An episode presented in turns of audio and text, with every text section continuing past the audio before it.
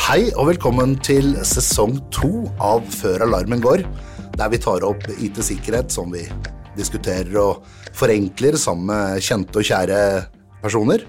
Og i dag så har jeg fått med meg en av de gutta jeg liker aller best, og har lært meg veldig mye. Han eh, prater som en politiker og ser ut som en biker, og velkommen til deg, Torgeir Waterhouse. Takk. For de som på ikke skulle vite hvem du er, hvem er du, og hva gjør du? Jeg eh, jobber nå i et eh, lite rådgivningsselskap som heter Otte, hvor vi hjelper eh, mange aktører å forstå møtet mellom teknologi og samfunn og politikk, og hjelper til med sånn som du jobber med sikkerhet, annet, og anvendelse av teknologi i organisasjoner. Men så har jeg da tidligere jobbet tolv år i IKT Norge. Før det jobba jeg ti år i Forbrukerrådet. Alle de årene med dette, nettopp dette møtet mellom politikk og samfunn og, og teknologi. Og er- mennesker. Ikke sant? Og det er jo det som er så fantastisk som vi prater med deg, for det er nesten uansett hvordan vinkling jeg kommer med, så kan du forklare settingen, og det er det jeg håper du får til med oss i dette her òg. For vi, nå skal vi ta tak i noe som mange prater om, kanskje ikke alle skjønner, eh, og jeg må innrømme at eh, jeg har mine utfordringer, selv om jeg har prøvd å sette meg inn i det. Og det som er snakk om her, det er, det er disse stortingsmeldingene, som er, er det nå byttet navn eller noe sånt, har de ikke det? Melding til Stortinget. Melding til Stortinget. Og vi skal det. selvfølgelig snakke om melding til Stortinget nummer 9 2022-2023. Når du skal ha med deg hele navnet, så blir det sånn. Ja, det, det er jo klasse, det er bare det er nummereringen. Nummereringen og da tidsrammen på dette her, ikke sant? Ja. Og hvis vi begynner helt på starten, hva er det dette her er godt for? Hvorfor gjør man det? Hva er en, hva er en melding til Stortinget? Altså, den er jo et realiteten, så, så korteste form, da, så kan man si at uh, det er en, en, en opp, dokument, oppsamla tekst, poenger, tanker, problemstillinger, uh, forslag til politikk osv., som går fra regjeringen til Stortinget. Det kan også være konkrete, vari- varierende grad av konk hvor konkret det er. Um, og så behandles den i Stortinget, dvs. Si den behandles i en komité som diskuterer den, kanskje har en høring på den og får innspill fra andre, og gir sine merknader tilbake til, til regjeringen. Og i dette tilfellet så er det da et varsel til, eh, til Stortinget fra regjeringen om at det er en del ting man ønsker å gjøre noe med og har behov for å se på rundt eh, nasjonal kontroll, digital motstandskraft eh, osv. for å ivareta nasjonal sikkerhet. Så, Og, og, og hvem er det som har laget altså, det, Henter man inn et ekspertpanel som på en måte utformer dette, eller hvordan, hvordan tar det form? Nei, I utgangspunktet så skrives det jo av departementet. Uh, Men uh, i, så varierer det selvfølgelig hvilke prosesser de har, med om man bare holder på på innsiden og, og kan mye om feltet og osv., eller om man har mye kontakt med, med samfunnet rundt, en, enten det er underliggende etater eller det er uh, bransje, hva det måtte være.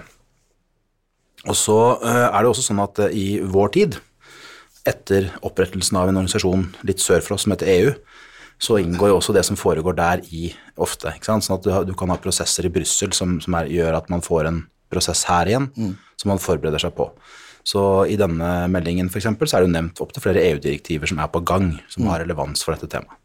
Og da prøver man å tilpasse slik at vi enklere kan adoptere eller Ja, det, hand, det handler om å, å, å egentlig fasilitere den politiske prosessen da, og debatten, Sånn at man får i gang debatten på Stortinget, og man varsler liksom, denne retningen her kommer det til å gå, vi må gjøre noe med disse tingene, og, og melder at, eh, at her vil regjeringen komme antagelig, ikke alltid, men antagelig, komme tilbake til Stortinget med konkrete lovforslag.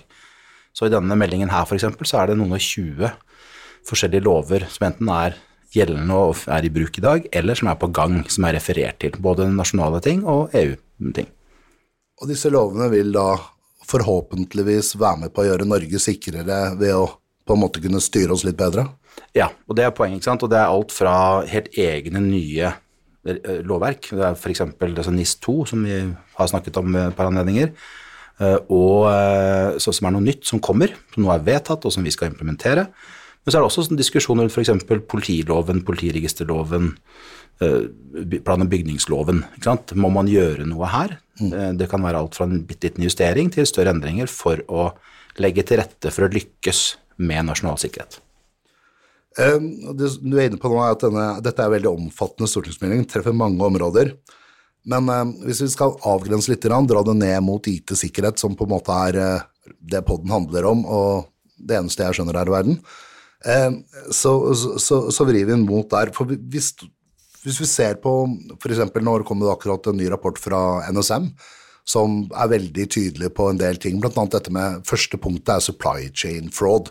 Ikke sant? Det er det er ikke noe altså For å forklare uttrykket litt bedre, så handler det om at en del av de større virksomhetene begynner å bli veldig gode på IT-sikkerhet, slik at uh, hackerne, eller trusselaktørene, heller komplementerer mindre virksomheter med mindre sikkerhet og bruker den tilliten de allerede har som underleverandør for å komme inn i systemene. Mm. Det var sånn, Jeg måtte bare forklare det sånn det ikke blir noe sånn på det. Um, uh, og her så er det også en del forslag de ønsker å fremme. Um, har du litt, litt, rundt det, eller? Ja, altså, det handler jo om Det man ser på her, da, det er å se på hva Uh, og det som henger bl.a. direkte sammen med dette med supply chain. Ja. Er Hvilke ledd må være sikra på hvilken måte for at man skal lykkes med å ivareta sikkerheten. Mm. Uh, noe som kan komme ut av dette, i hvert fall som da blir lagt opp til diskusjon rundt, det er, det er ikke sikkert det er gitt at du skal få lov til å selge hytta di som er ved siden av en viktig installasjon til hvem som helst. Fordi hvis vi skal ivareta sikkerheten på en installasjon som er sensitiv, mm. ja, da må vi også ha kontroll på det fysiske landskapet rundt. Og da kan det være at, at, det skal være andre hensyn som tas. Kanskje du, skal du få en meldeplikt, sånn at myndigheter kan vurdere hvem er det som forsøker å kjøpe denne. Og hvis du ser litt sånn Man må sikkerhetsklarere kjøperne på en måte? Ja, eller vurdere. Ja, ja. Første steg én, vurdere er det noen spesielle hensyn å ta her. Ja. Uh, og, uh, og, steg to, da, hvem er det som da kan, skal kunne få kjøpe. Mm. Og dette er jo noe som har vært litt debatt rundt om i det siste, og det er jo to ferske saker som refereres til i meldingen om dette. Det er bl.a. Bergen Engine-saken, mm. hvor man liksom i siste sekund ble bevisst på og begynte å agere på at det var et russisk selskap som skulle kjøpe en av de viktigste aktørene, leverandørene, til norske marinen. Ja. Og, um, og, både det, og også beliggenheten eh, til uh, dette anlegget, da, mm. Bergen Engines, hvor de holder til. Og så fast forward til uh, i fjor, hvor uh, staten gikk inn og kjøpte Meråker Bruk, det gigantiske mm. eh, naturområdet som, som, var lagt ut til salg, da, mm. for å ta kontroll. Så, så, det handler om uh, hvilke elementer, og det er liksom du sa dette med at i supply chain så, så, så fokuserer man nå på de mindre, mm. kanskje ikke så godt beskytta aktørene som har en tillit, så man kan bruke de som en vei inn. Mm. Det er jo egentlig samme logikken. Mm. Hva er det som foregår rundt oss? Hvordan skal vi på forskjellige nivå sikre?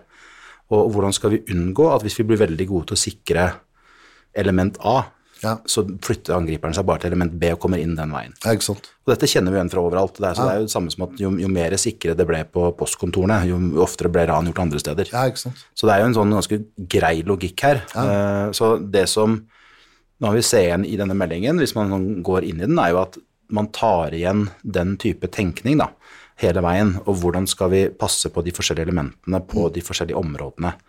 Og hvis man tar et uh, dypdykk i NIS2 f.eks., mm så vil man jo se at i NIS2 så fokuserer man jo på de bærende sektorene i samfunnet. Hvilke sektorer trenger vi beskytte spesielt for å sikre at samfunnet fungerer i en pressa eller krisesituasjon? Det er det vi kaller kritisk nasjonal infrastruktur. Ja, det er i realiteten Utvidet. det. Så da er det litt sånn forskjellige begrep på det. Så ja. kan du godt si at du har, hvis man skal tenke litt forenkla her, da, ja. så, har du, så, har du, innerst inne så har du sikkerhetsloven. Mm. Og rundt der så har du bl.a. NIS2, mm. som regulerer mye av det som ikke er regulert av sikkerhetsloven. Og rundt der igjen så har du annen spesiallovgivning eller fraværlovgivning for å regulere noe. Sånn at i NIS2 f.eks. så er man da også opptatt av, eh, av um, uh, mat og transport. Ja. Og ikke nødvendigvis fordi at det er så tekniske sektorer, nødvendigvis, selv om det selvfølgelig har blitt det der også, men fordi at hvis ikke vi får maten frem mm. til alle, hele befolkningen, så begynner vi å slite uansett hvor mye vi digitalt har klart å beskytte oss, f.eks. Så det, så det sier jeg at ok, vi har sikkerhetslov, dette er løken utover i forhold til forskjellige nivåer, men, men det må da være et krav til underleverandørene i dette lovverket, da. Vi, får, vi tar liksom tak i de kritiske elementene og leverandøraksen rundt, og så vil det da eventuelt måtte være et krav de sitter til sine underleverandører? Ja. Ja, eh, og så er det en del ting her som gjenstår å se hvordan ja. det blir implementert. Ja. Men logikken er jo at eh, ok, la oss si at du du er et selskap som har eh, et stort behov, eh, eller er, jeg mener ja, leverer på et sånt nivå til samfunnet at eh, du blir regulert av NIS 2. Eh, Så s- møt, derfor møter du under konkrete, tydelige krav til sikkerhet. Du kan godt sammenligne litt med logikken i GDPR, f.eks. Altså du, du gjør noen ting, derfor så må du kunne tilfredsstille disse kravene. Og så er jo da noe av logikken, og ikke nødvendigvis så eksplisitt uttalt, men, men noe av logikken vil, som følge av det, er jo så da at da, for at du skal være sikker på at du klarer det, så må jo også du stille krav til dine underleverandører, så du vet at du ivaretar sikkerheten i hele kjeden din. Og, og noe av det som, som ligger i dette også, da, hvis, bare, hvis man ser på hva kommisjonen selv har sagt om NIS2, og dette, er- dette er bare en liten del av Ja, ja. alt det som denne meldingen til Stortinget omhandler, så antyder kommisjonen at, eh, at de som blir omfattet av NIS2, kan komme til å få økning i sine, eller måtte ha økning i sine IT-sikkerhetsbudsjetter på opp mot 22 Bare for å tilfredsstille ja. de kravene som kommer der. Det er, jo, eh, det er jo magisk, ikke rett og slett på at vi tjener mer penger, men det er jo magisk, for det da vil jo øke bevisstheten i samfunnet, og ikke minst sikkerhet. Vi vil bli mye mer resilient, som vi kaller det på populært norsk, motstandsdyktige. Ja, og, og i dette igjen altså, så, ligger det et fokus på alle de forskjellige elementene. Det handler om kunnskap, for eksempel. Hva må vi gjøre med utdanningene for å lykkes med dette? Hva, hvilken kompetanse trenger man i virksomhetene og i de offentlige etatene og myndighetsorganisasjonene osv.? Så, så så som sagt, hvis man går inn og ser på det, så er det 24 lover øh, og eller direktiver som er omtalt, alt fra bare sånn så vidt til grundig. Sikkerhetsloven er vel nevnt 62 ganger, hvis jeg husker rett, i, øh, i meldingen. Og, men det er også type ting som EØS-avtalen, frihandelsavtaler, for i dette så ligger jo at vi har avtaleverk som er, er der for å fasilitere handel og få handel til å være så friksjonsløs som mulig, samtidig som vi har lovverk som sier noe om at øh, i noen tilfeller gjør at du får et fokus på hvem kan du handle med. Nå sier man at eh, det bildet her blir jo mer og mer komplekst, og som virksomhetsleder eller styre eller ikke minst SIS og IT-avdelinger, det her blir vanskelig å forholde seg til. Man må få inn eksperter som kan hjelpe til her. Ja, opplagt. Og det er jo litt det som er noe av utfordringen eh, med alle denne type endring og utvikling. Da, ikke sant? At det, det gjør noe med hvem som må være i rommet når man diskuterer. Ja, ikke sant? Og så er litt, litt ting litt diffust og litt komplisert sannsynligvis til å begynne med også. Ja, og hvis du husker tilbake til Vi har hatt mange samtaler om hvordan i all verden skal vi få folk til å ta IT-sikkerhet på alvor. ikke sant? Og hvordan skal vi passe på at IT-sikkerhet er en del av f.eks. en anskaffelsesvurdering. Vi har diskutert i ti år snart. Ja, helt, helt riktig. Eh, og hvordan skal vi få til det? Hva, hva må til da? Ikke sant? Og det er jo samme her, egentlig. Altså, hvordan skal vi passe på at, vi, at det er flere perspektiver som er med i vurderingene man gjør? Helt enkelt. Og Hvis jeg da går tilbake til dette eksempelet med, med salg av en tomt, da, eller en bygning, eller hva det måtte være, ja, ok, men da må man vite, da. da må, men da må det også være noen tydelige kriterier fra myndighetene, hvor man ser på hva, hvordan skal du eller jeg vite at vår eiendom er en sånn eiendom? Ja, ikke sant? hvordan skal vi da gjøre hvis vi skal avhende den, osv. Ja. Og vi har, I mitt selskap så har vi nylig hatt en sånn runde hvor vi har snakka med ganske mange aktører i, i, og rundt IT-næringen. Og Bare for å få sånn inntrykk av hvordan oppleves det å skulle bli om, være omfattet av sikkerhetsloven. Ja. Og det spriker jo alle retninger. Og Der er det helt tydelig for oss at en av de store store problemene er både at eh, reguleringen som sådan og rådgivningen rundt regulering fra myndighetenes side, men også hvordan har vært, altså, man har tatt det inn i prosessene sine, ikke har fungert godt nok. Så vil helt sikkert bransjen peke på myndighetene, og myndighetene peke på bransjen, som man alltid gjør, for da slipper man å ta stilling, selvfølgelig. Kan man bare en pekelek. Ja.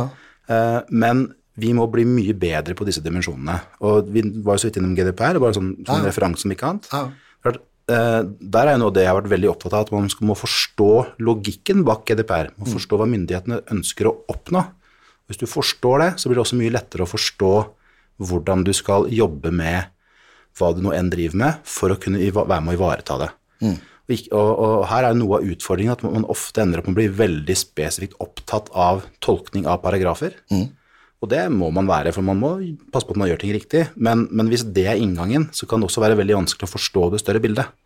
Jeg er mer opptatt av prosessene enn utfallet, med andre ord. Ja, og, og eh, man kan bli det, ikke sant. Og man kan bli veldig opptatt av å kunne krysse av i bok- compliance-boksene, f.eks. eksempel. Mens det, det jeg er opptatt av, og det som jeg, jeg tar ut blant annet tar ut av den stortingsmeldinga, er, eh, er jo nettopp det at dette handler om et ganske overbyggende mindset-skifte. Vi, må, vi må passe på at vi får eh, en del perspektiver rundt sikkerhet inn i de prosessene vi har. Du kan egentlig sammenligne med HMS. sant, når det kom inn. Ja. Og som gjorde at vi blant annet Og nå er det ikke noe problem, for alle kommer til å kjøpe kontorstoler med fem hjul istedenfor fire hjul. For nå er det bare sånn. men, men i starten så var det helt sikkert mye motstand, og hvorfor det? Og, ja, Bil og bilbelte, ikke sant? ja, jeg har jo kjørt bil i tusen år og aldri kollidert, og jeg trenger jo ikke dette her og sånn. Så, så det handler noe om å forstå da, og du nevnte jo NSM, ikke sant, forstå ris- risikobildet, trusselbildet rundt oss, trusselaktørene, og hva de driver med, hvordan er vi nå sårbare på en annen måte enn vi var før, og hvilke hensyn er det som skal ivaretas. Og da er jo Grunnprinsippene til NSM er jo et veldig godt utgangspunkt for å begynne reisen, i hvert fall innenfor IT-sikkerhetsstanden. Ja, jo, nettopp, ikke sant, men, men igjen da, og blant annet derfor er denne meldingen viktig, fordi at eh, grunnprinsippene sier noe om eh, hvordan du teknisk håndterer en del ting. Helt riktig. Eh, mens det, og det hjelper deg med en del ting. Men som vi snakket om i sted, med både supply chain og hvor man raner basert på Ja, ransikring, ikke sant? Så, så betyr også det at det er det andre elementer som også må håndteres godt. Så hvis du, selv om du har da, for å være litt banal da? Hvis du har, du har et system som tikker og går i, bygning, i, i en bygning, grunnprinsippene er teknisk sett ivaretatt, Ja. eh, og så er det noen som kjøper bygningen, som gjør at de har tilgang, Ja, ja, tilgang. sant. så, så det er noe med å, å liksom se og finne balansen da, mellom hvor langt skal man strekke dette, eh, og samtidig passe på at man ivaretar et samfunn hvor det er lett å gjøre ting riktig, og, som, og, vi samtidig som samfunn ivaretar de verdi, verdiene vi ønsker å beskytte.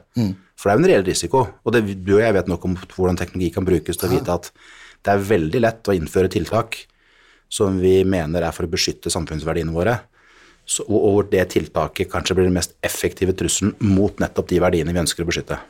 Det kan skje. Ja, så, så, så Dette handler mye om også å finne den balansen, og det er jo derfor det, sånne meldinger som dette er viktig, og, og viktig å forstå logikken bak, sånn at også denne, altså IT-næringen f.eks., kan bidra inn og hjelpe myndighetene å forstå hvordan skal vi gjøre dette for å ivareta Ja, ABC. sant? For, for det handler jo om hvordan mennesker vi utdanner, hva vi på en måte fokuserer på.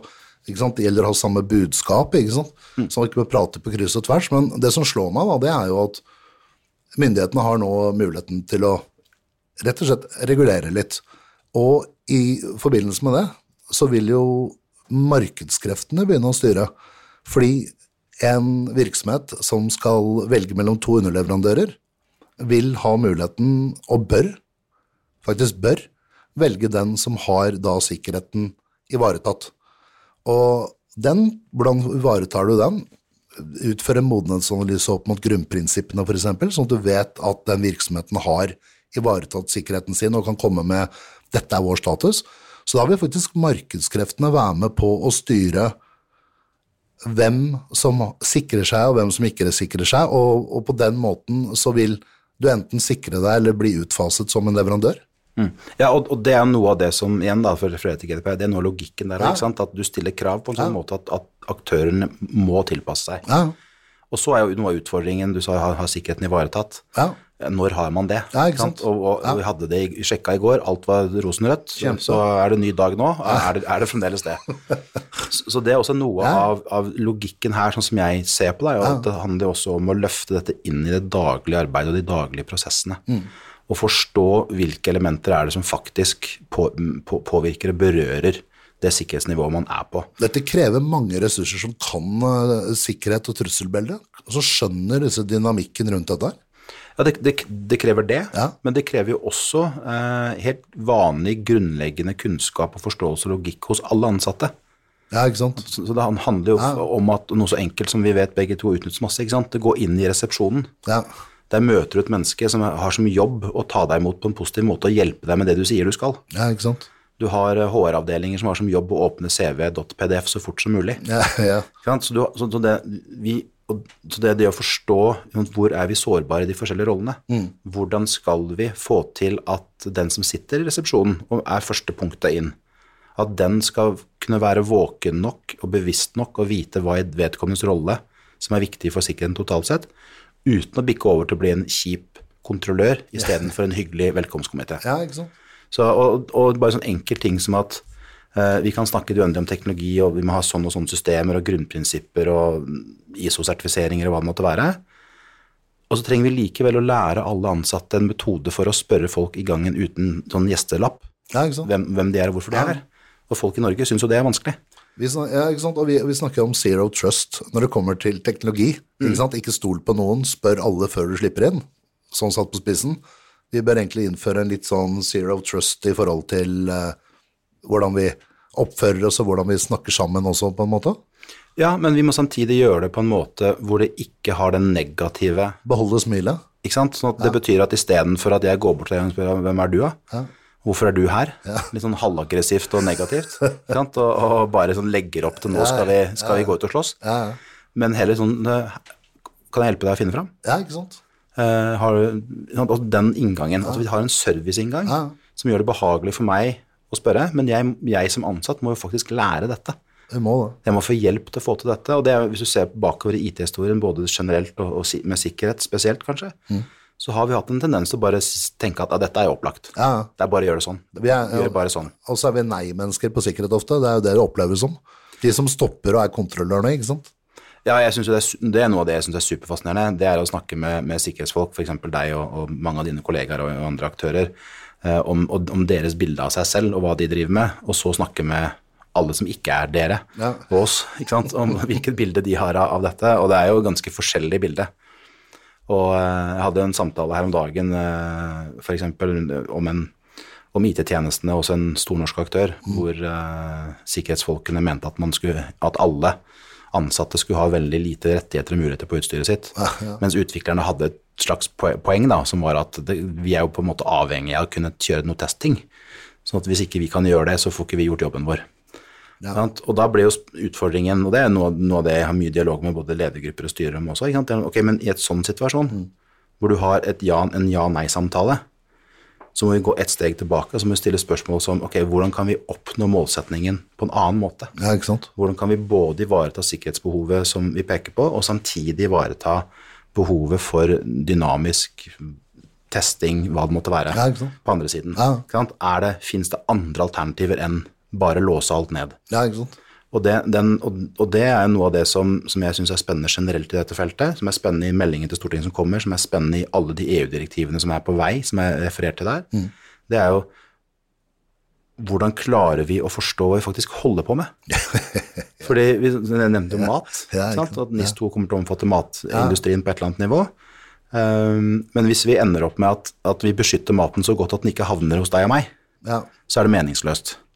Så vi må klare å ivareta det vi faktisk driver med.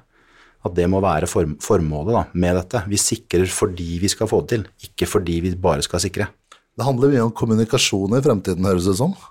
Veldig mye, og særlig når vi kommer inn på beslutningsnivåene Ja. hos ledere og osv. Og, og, og vi, vi må huske på at uh, IT-sikkerhet er et middel, Ja, det er ikke et mål. nei. Og hvis de som jobber med IT-sikkerhet ikke forstår organisasjonen de jobber i eller med, Mm. så er sannsynligheten for å ikke lykkes ganske stor. Det er uh, veldig stor. Ja, Og, og, det, og vi vet jo begge to hva som skjer hvis vi møter en stengt boks, Ja. en låst skjerm, et eller annet. Vi finner, en, annen, vi finner en vei rundt. Ja, det går fort, da. Ja, så hvis noen, noen i sin visdom da, for eksempel har gjort det umulig å legge til vedlegg i en nyhetsbrevløsning skal, av sikkerhetsmessige årsaker, eller for den eller andre årsaker, mens jeg som skal sende nyhetsbrev har behov for å legge ved et vedlegg, ja, da finner jeg et annet verktøy da. Ja, det Og så har vi mista kontrollen. Så, så den dimensjonen der, og det blir bare viktigere og viktigere også fordi det kommer mer og mer regulering. Og som du sa, hvis du liksom ikke klarer å tilfredsstille kravene, ja, da velger kundene noen andre. Så, så vi, vi må lykkes med å gjøre dette på et altså, bedre i form av at vi trenger å bli bedre, vi trenger å gjøre med, og det at vi snakker om å gjøre det bedre nå, betyr ikke nødvendigvis at det vi har gjort i, før i dag og i går er dårlig. Nei. Men virkelighetsbildet, som du også Ja, trusselbildet er eksempel, dynamisk, ja. Det er annerledes. Ja, det er. Og vi må tilpasse oss det. Ja. Så, så den derre ideen her, da, eh, som, som jeg har dratt med meg, og som du har smilt av noen ganger når jeg har dratt opp, at, at IT-sikkerhet er altfor viktig til å overlate til sikkerhetsfolk, den blir bare viktigere og viktigere og viktigere, etter mitt syn. Og eh, rådgivere. eh, I mitt hode blir bare viktigere og viktigere de også, som på en måte kan oversette Dette er, Bildet blir bare mer og mer komplekst. Når jeg begynte for 20 år siden, så var antivirus det var sexy. ikke sant? Det, det var spennende, og alle skulle ha det.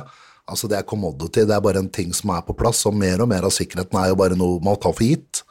Ikke sant? Så nei, det er grensesnittet og alt dette her, alle disse devicene som skal internett og things, OT, skya, alle disse her, det skal jo omfatte alt. Det er komplekst nå, Torgeir. Ja, absolutt. Og, og, og, der er kanskje også noe utfordringen vi står oppi, da, at vi har gjort masse. Hatt mm. veldig mye fokus på, for å forenkle litt funksjonalitet. Mm. Og, og, merverdi. Tilgjengelighet. Bruk av funksjonalitet, ja. tilgjengeligheten osv. Og veldig lite fokus på hva betyr det for risikobildet, hva betyr det for hvordan vi skal sikre oss, hva betyr det for hvordan vi, vi utvikler kompetansen til de ansatte, hva betyr det for hvordan vi skal rekruttere, og hvem vi skal rekruttere, osv. Så sånn at det å, det å forstå hvordan det endrer, og kanskje prøve å unngå så mye som mulig begrep som bedre eller dårligere, sikrere eller mindre sikkert osv., og, så og fokusere på at det er annerledes. Fordi vi har flytta oss fra papiravis til digitalavis, så er det andre utfordringer i distribusjonskjeden for å få teksten fram til leseren ved kjøkkenbordet. Og det handler ikke om at vi gjorde ting på en dårlig måte før og på en bra måte nå, eller motsatt. Det handler om at det er en annen eh, logikk i distribusjonen, og det er dermed andre risikoer. Den digitale distribusjonen av avis er ikke sårbar for at trappa di er ute uten tak, og at avisa blir lagt på den. Det er et problem med papiravis. Den blir våt og ødelagt, og kunden blir forbanna. Med en digital distribusjon så er det andre utfordringer. Da slipper du også det problemet med, med våt avis på trappa. Da er det løst av seg selv. Og, og, det å forstå i sine egne kjeder, da, egne mm. selskaper, strukturer, organisasjoner, hva det måtte være, hvordan påvirker dette oss? Det er noe av det viktige. Og de samtalene må vi ha mer av på beslutningstakernivå, og vi må involvere hele kjeden av ansatte på en sånn måte at de forstår hva de faktisk driver med. Og det vil eh, disse stortingsmeldingene være med på å fasilitere for når vi får inn de riktige direktivene. Ja, du kan si at det de i hvert fall gjør, da, om ikke ja. annet, er jo å bidra, er en av mange brikker som bidrar til å sette dette på agendaen. Ja, ikke sant. Og vise sammenhengen. Ja. At dette er altomfattende. ikke sant? Det mm. at uh, denne meldingen liksom nevner ting som havne- og farvannsloven, og lov om konsesjon ved erverv av fast eiendom, men også Cyber Resilience Act ja, og Cyber Security Act i samme diskusjonen. Det viser noe av hvordan dette henger sammen. Det er ingenting Altså bildet er komplekst, det blir, det blir, jo mer og mer komplekst. La oss håpe at disse regulativene hjelper oss med å få litt mer grep av dette over tid, Torgeir. Det er jo det eneste vi kan si. Absolutt, og, at, eh, at, og noe av det som jeg er opptatt av i dette også, er at eh, når vi har snakka om det sånn som vi har gjort nå, mm. så, så, kan man fort få en sånn følelse at dette er jo helt umulig for oss til, så da kan ja, vi bare la være. Da kan vi bare ignorere det. Det er ikke noe vits å prøve engang. Ja. Men vi er fremdeles der at det er baby steps. Gjør de tingene, gjør de tingene du kan gjøre noe med, og gjør det fortløpende. Så blir det bedre. Og uh, uansett, la oss ta en tilfeldig valgt uh, aktør som nå popper opp i hodet på alle som hører på. De kan bestemme selv hvem vi snakker om. Uh, hvis de ikke gjør noe, ja. så blir det i hvert fall ikke bedre. Hvis de gjør noe, så blir det bedre. Og at man, husk på at man da også inngår i en kjede. Mm. Sånn at hvis alle vi gjør litt, så er vi med å løfte totalen. Og det er det bl.a. denne meldingen handler om. ikke sant? Det er nasjonal kontroll, nasjonal sikkerhet. At vi må løfte bunnivået, og toppnivået for så vidt, men vi må hele tiden gjøre noe for å løfte oppover. Og det hjelper. Du, med de kloke ordene der, så tenker jeg vi begynner å, å runde av. Eh, og da kommer jeg til å avslutte med de to spørsmålene jeg alltid gjør. Og jeg starter med det første til deg. Ditt sikkerhetstips. Kan være hva som helst. Noe av det har jeg sagt veldig til, mye til mange i det siste, er at uh, alle som ikke har kjøpt sånn filter å ha på skjermen sin på laptopen, de må gjøre det. Innsynsfilter? Ja, helt ja. enkelt. Veldig enkelt å ta på. Veldig billig, relativt sett. Ja. Og det har, en, det har en ganske betydelig verdi. Um, og alle de som smiler nå, de kan bare tenke sist gang de satt på et tog eller fly eller et eller annet, hvor de sitter og gløtter over på naboen med, ikke sant? Helt riktig. Ja.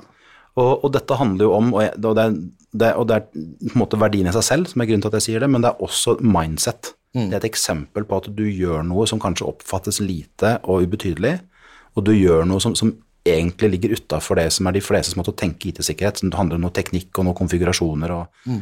noen som stressa løper inn i et serverrom og um, har noen patchekabler hengende ut av baklomma. Ja. Så det er noe med den derre Det er mange steder, det er mange steg, det er mye vi kan gjøre som er med å løfte totalen. At folk må ta stilling til om det er en digital blotter eller en digital kikker, med andre ord. Altså, For eksempel. Ja, altså. eh, du, og så har vi det siste her, og det, da spør jeg, hva er din digitale smart device? Altså, hva, er det, hva, er det, hva, er det, hva, er favoritten din?